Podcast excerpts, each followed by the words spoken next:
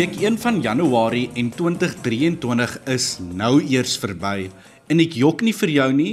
Ek het verragtig vroeër hierdie week iemand hoor sê dat dit al soos die 35ste dag van die maand voel na mate hul persoonlike finansiële situasie. Hallo, ek is Adrian Brandt en ek kuier saam met jou in Rand en Sent op RSG. Met die begin van die nuwe jaar is ek seker daarvan dat ons elkeen van plan is om ons geld sake beter en meer verantwoordelik te bestuur. Dit is egter makliker gesê as gedaan en soos ons verlede week gehoor het, toe ek met die ekonom Dawie Rood gesels het, weet min Suid-Afrikaners wat eintlik in hul persoonlike finansies aangaan. Met Januarie wat 'n lang maand vir baie verbruikers is, wil ons jou graag bemagtig om met meer geld as dae in die maand te sit. In vanmiddag se program vind ons uit hoe om dit reg te kry. Ons gesels oor verantwoordelike geldbestuur en ons kyk ook na begrotings. Om ons meer hiervan te vertel is Johan Resou, 'n geregistreerde finansiële beplanner by Fiscal Private Kliëntdiens. Hy sluit nou by my aan, beantwoord my vrae en deel ook 'n paar wenke.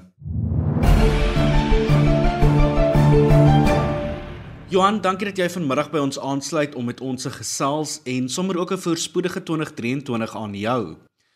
Nou, ons weet die eerste maand van die jaar is gewoonlik rof vir baie verbruikers. Daar word nie verniet na die maand soms as Januarie verwys nie. Waarom sukkel verbruikers tipies om deur te kom met hul geld in Januarie?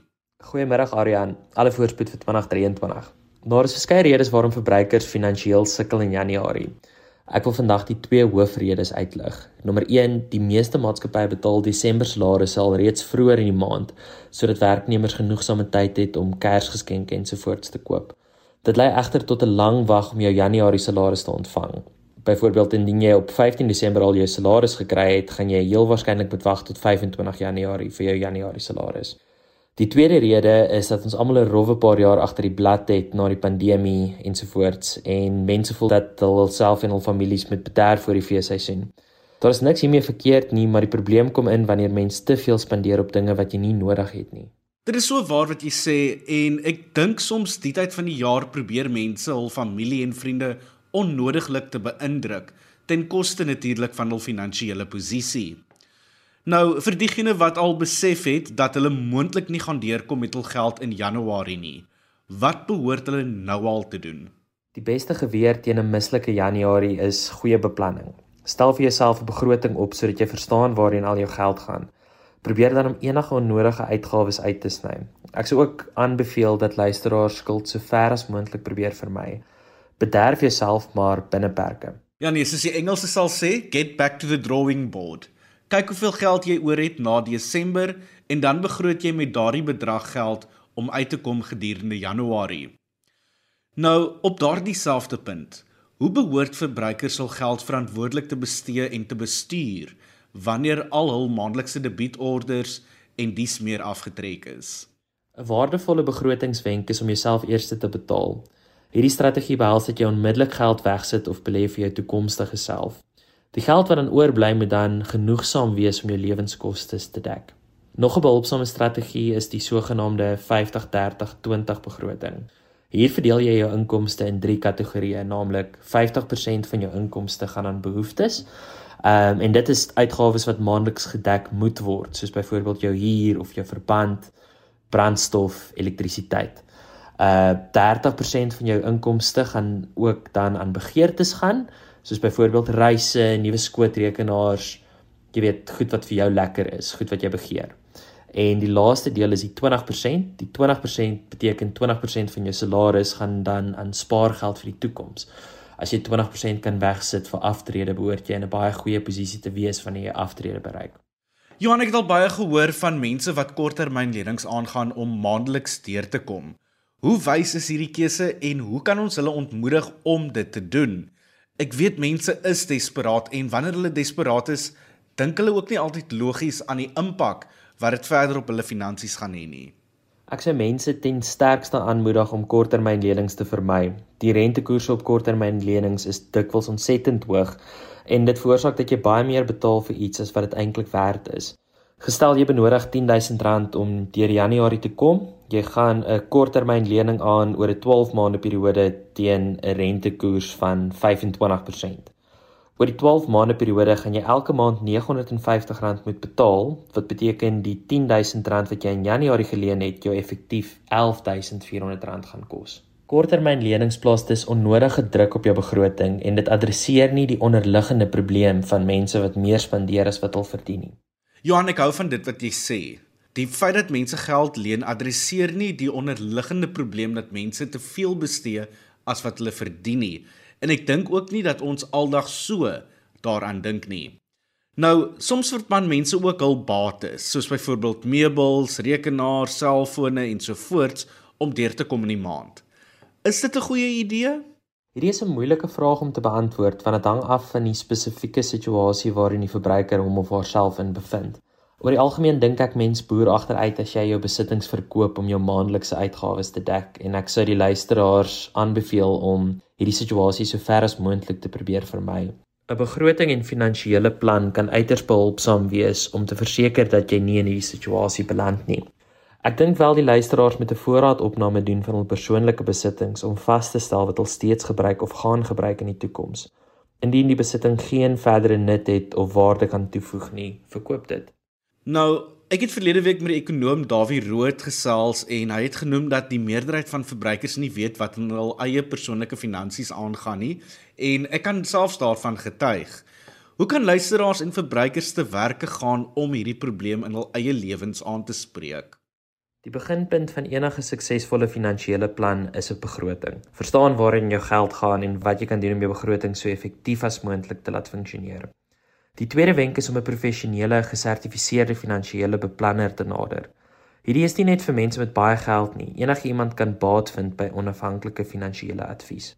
Johan, ek glo dat 'n begroting die mees waardevolle bron is wanneer dit by jou finansies kom. Hoe belangrik is dit dat verbruikers begrotings opstel en kan ons ook asseblief stil staan by die feit dat dit gereeld aangepas moet word? Ek meen pryse styg gereeld, so dit is natuurlik belangrik om 'n begroting te hê wat realisties is. Ek stem 100% saam. 'n Begroting moet realisties wees en dit moet 'n goeie weerspieëling wees van jou huidige omstandighede. 'n Begroting is dus 'n dinamiese dokument wat aangepas moet word soos jou lewensomstandighede verander.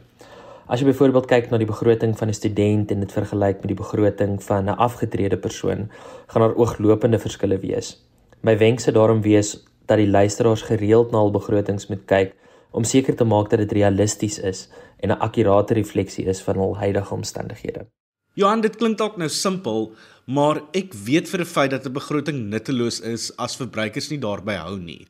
Watter raad het jy aan diegene wat dalk sukkel om by daardie maandelikse begroting te hou.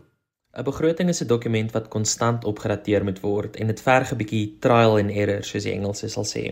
My wenk aan die luisteraars is om tyd op sy te sit elke week om deur hul bankstate te gaan en aan hul begroting te timmer, selfs al is dit net 10 minute.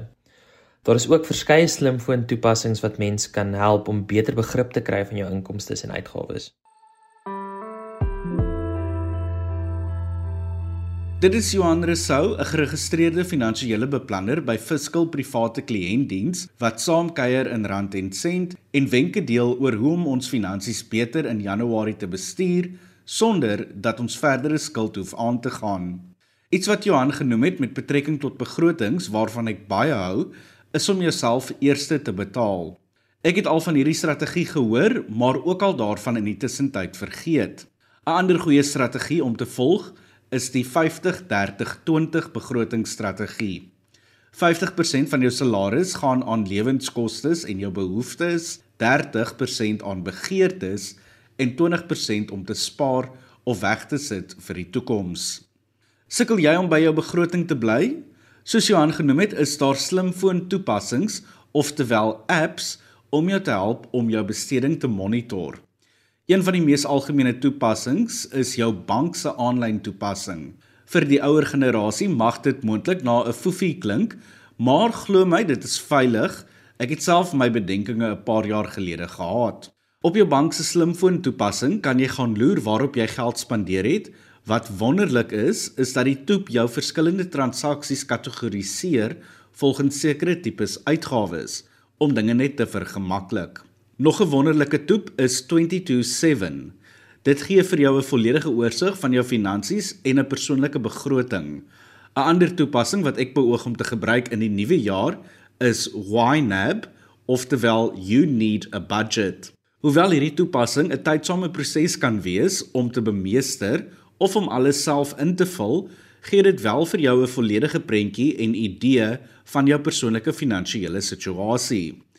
Sodoende kan jy ook sommer vinnig vinnig van slegte bestedingsgewoontes bewus word en dit sodoende ook aanspreek. Besoek gerus die Google of Apple Play stores en laai een van hierdie toepassings af om jou te help in die nuwe jaar.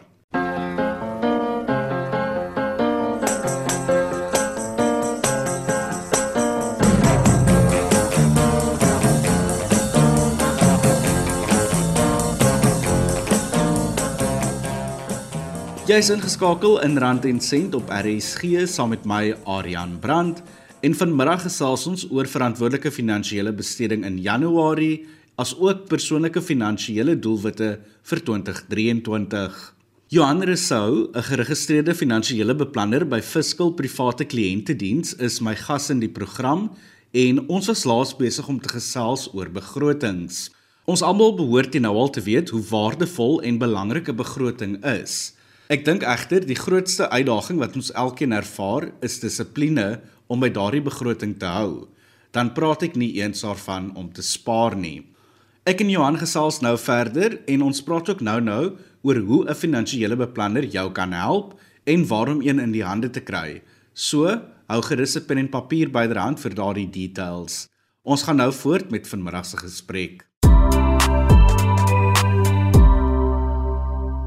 Nou Johan, wanneer ons oor begrotings gesels, moet ons sekerlik ook aan die punt raak dat verbruikers maandeliks geld moet wegsit vir noodsituasies.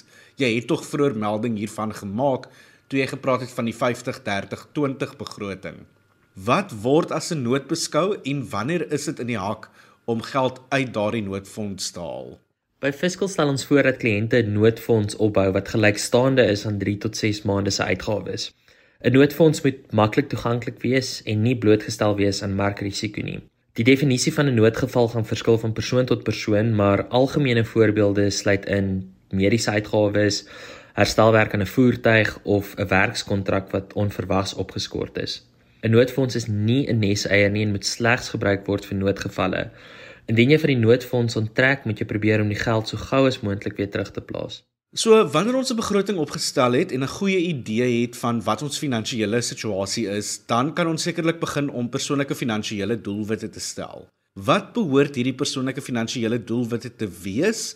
Ek weet dit gaan sekerlik van persoon tot persoon verskil, maar miskien dalk net so 'n paar algemene voorbeelde.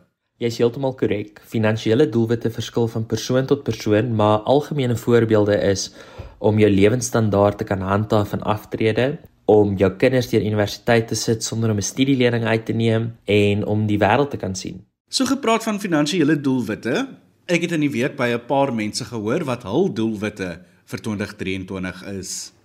Dit is 'n interessante vraag.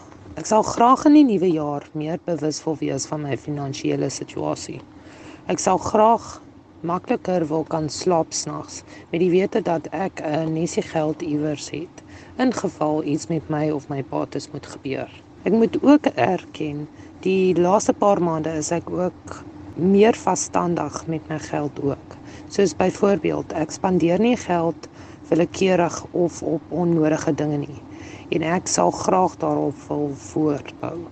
So my finansiële doelwitte vir 2023 is eenvoudig om meer te spaar. Uh, ek neig um, om so 'n bietjie meer te spandeer as wat ek moet en uh, ek het besluit van die 1 Januarie af gaan ek elke dag R10 in my spaarrekening sit. So met ander woorde R10 maal met 365 dae. Dit is 'n lekker bedrag aan die einde van die jaar vir Desember. En dit gaan dan nou my doelwitte wees om te spaar. Wat finansiële doelwitte betref, is dit maar moeilik om te sê Aryan met die huidige stand van sake en hoe die ekonomie is moet mens regtig twee keer dink voor jy finansiële doelwitte stel.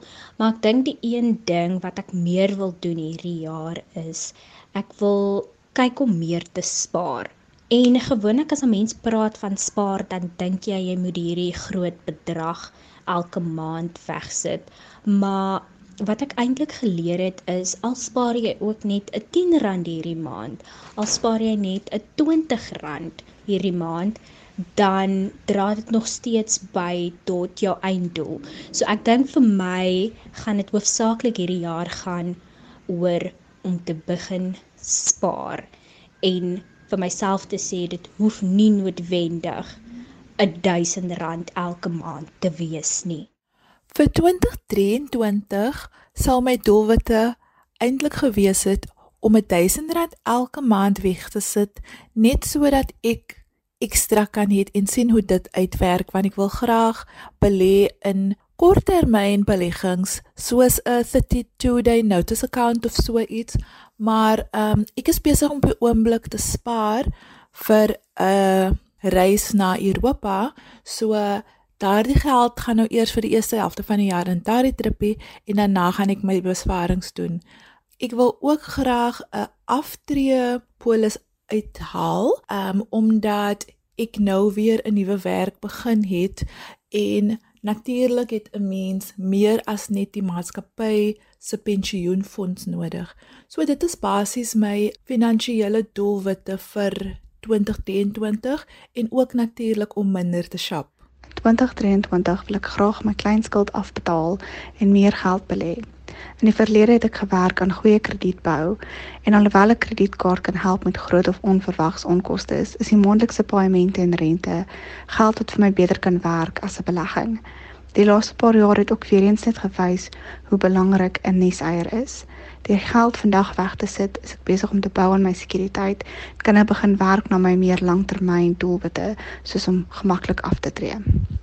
Dit dan 'n paar luisteraars wat vertel het van hul persoonlike finansiële doelwitte vir die nuwe jaar en ek dink spaar waar ons kan is op almal se gedagtes hierdie Januarie, maar ook die res van die jaar. Ek en Johan gesels nou verder en hy verduidelik hoe 'n geregistreerde finansiële beplanner jou kan help met jou geld sake. Onthou ook om 'n pen en papier byderhand te hou vir die kontakbesonderhede oor hoe om een in die hande te kry. Johan vir baie mense kan dit oorweldigend wees om beheer te neem van hul persoonlike finansies en dit is waarom daar mense soos jy is, geregistreerde finansiële beplanners. Hoe kan luisteraars in kontak kom met 'n geregistreerde finansiële beplanner naby aan hulle? Ek weet daar is 'n webtuiste of 'n database en dan ook wat is die tipiese dinge waarmee jy kan help? Die Finansiële Beplanningsinstituut van Suid-Afrika het 'n database op hul webtuiste wat verbruikers kan raadpleeg om 'n finansiële beplanner in hul area te vind. 'n Gesertifiseerde finansiële beplanner kan help met amper enigiets van begrotingsopstel tot en met 'n beleggingsportefeulje saamstel. Ek sou ook luisteraars aanbeveel om onafhanklike finansiële advies in te win vir my persone wat probeer om 'n produk aan jou af te smeer. Indien jy 'n geregistreerde finansiële beplanner naby jou wil vind, besoek net FPI My Money 123 www.co.za en blaai dan 'n bietjie af na die Find a Financial Professional gedeelte. Ek sal later weer daardie besonderhede deel, so hou gerus 'n pen en papier byderhand. Johan, ek weet hierdie vraag is dalk moeilik om te beantwoord aangesien dit van instansie tot instansie gaan verskil, maar ongeveer hoeveel is die fooie vir 'n persoonlike finansiële beplanner? Finansiële beplanners vra gewoonlik 'n aangaande fooi wat 'n persentasie is van die beleggingsportefeulje van 'n kliënt. Die maksimum aangaande fooi wat 'n finansiële beplanner kan hef is 1.15% met BTW ingesluit. Op 'n portefeulje van 100 000 rand werk dit uit op ongeveer R96 'n maand. Hierdie word dan van jou beleggings afgetrek en aan die beplanner of finansiële beplanningsfirma oorbetaal. Sommige finansiële beplanners bied ook die opsie aan om 'n konsultasiefooi te betaal vir hul tyd. Hierdie is 'n eenmalige koste en is veral van toepassing op mense wat reeds 'n finansiële plan het wat vir hul werk en net een of twee spesifieke vrae het. Oor die algemeen verskil die fooie van beplanner tot beplanner en van kliënt tot kliënt.